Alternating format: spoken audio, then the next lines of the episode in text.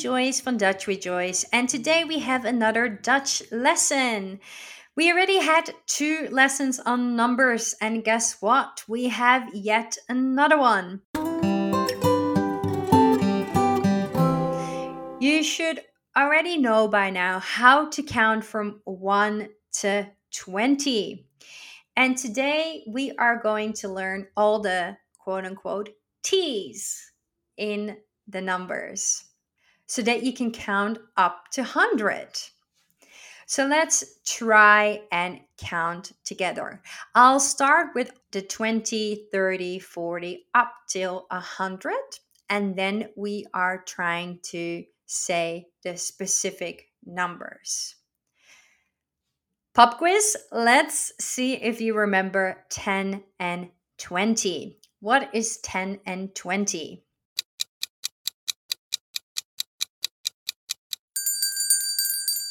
Tien en twintig. Twintig. So the tig resembles the T. So that means that you already have know all the decimals in Dutch. So you pick the number, add tig, and then nine out of 10 times, actually less, you know the decimals. So for 20, it is twintig. For 30, we'll do exactly the same thing as 13. So the third bit is der, because 13 was dertien. So 30 is dertig. Dertig. For 40, you do the same as 14. 14 is veertien. So 40 is veertien. 40. Then 50 up to 90 is pretty much the same as the teens, except for 80. So let's try. 50 is 50, 50. 60 is 60, 60. 70 is 70. 70. Skip 80 and let's go to 90. 90 is 90. 90. Now, what is exceptional with the 80? If you were to translate it directly, you would probably say 80. 80 is also used in Dutch as something else that we add onto a word at the end to really make sure that pronunciation wise we mean 80, we stick a T in front of it. So rather than 80, we say 80. 80. So 80 means 80. That leaves us with 100, and that is luckily very similar as well. 100 is 100. 100. But keep in mind that in English we tend to say a hundred and something. The a bit in Dutch is uncommon. We don't say 100, we just say 100.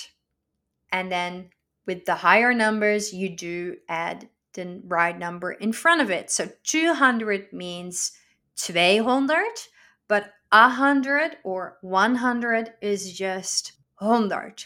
For us, it's pretty straightforward. Then another question that you might have okay, well, how do I say numbers like 25 or 78? And why is it so difficult to hear and say in Dutch? Well, let me teach you a lesson here. If you have the number 16, you write that as a 1 and a 6. Yet, saying 16, you start with the 6 and then the teen. But when you say 21, you suddenly start with saying the 2 first and then the 1. You turn it around somehow. Whereas in Dutch, we consistently go along with the numbers. We keep saying the last number first and then go to the teen or the decimal. So rather than saying 21, we say 1 and 20, which sounds like 1 en 20. 21.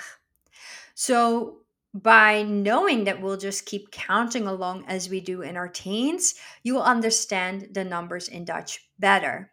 So, let's do a little bingo. I'll say a number in English and then I want you to try and say it in Dutch.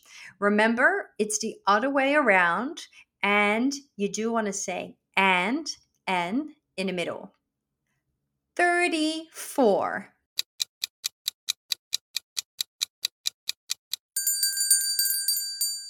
Vier en dertig. 34. 76.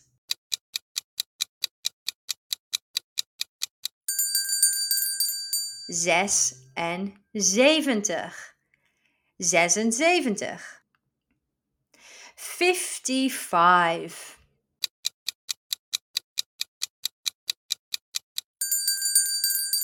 Vijfenvijftig.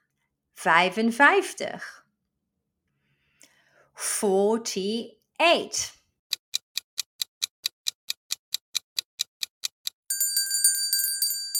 Achtenveertig.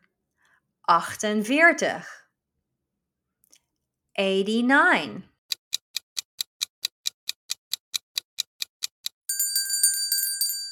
Negen en tachtig. Negenentachtig. These are just a few numbers that you can practice. So let's write down numbers throughout this week and see if you remember and remind yourself how to say them in Dutch. The more you practice and the more numbers you hear, the easier it will get. I promise. That's it for today. See you next time and doei!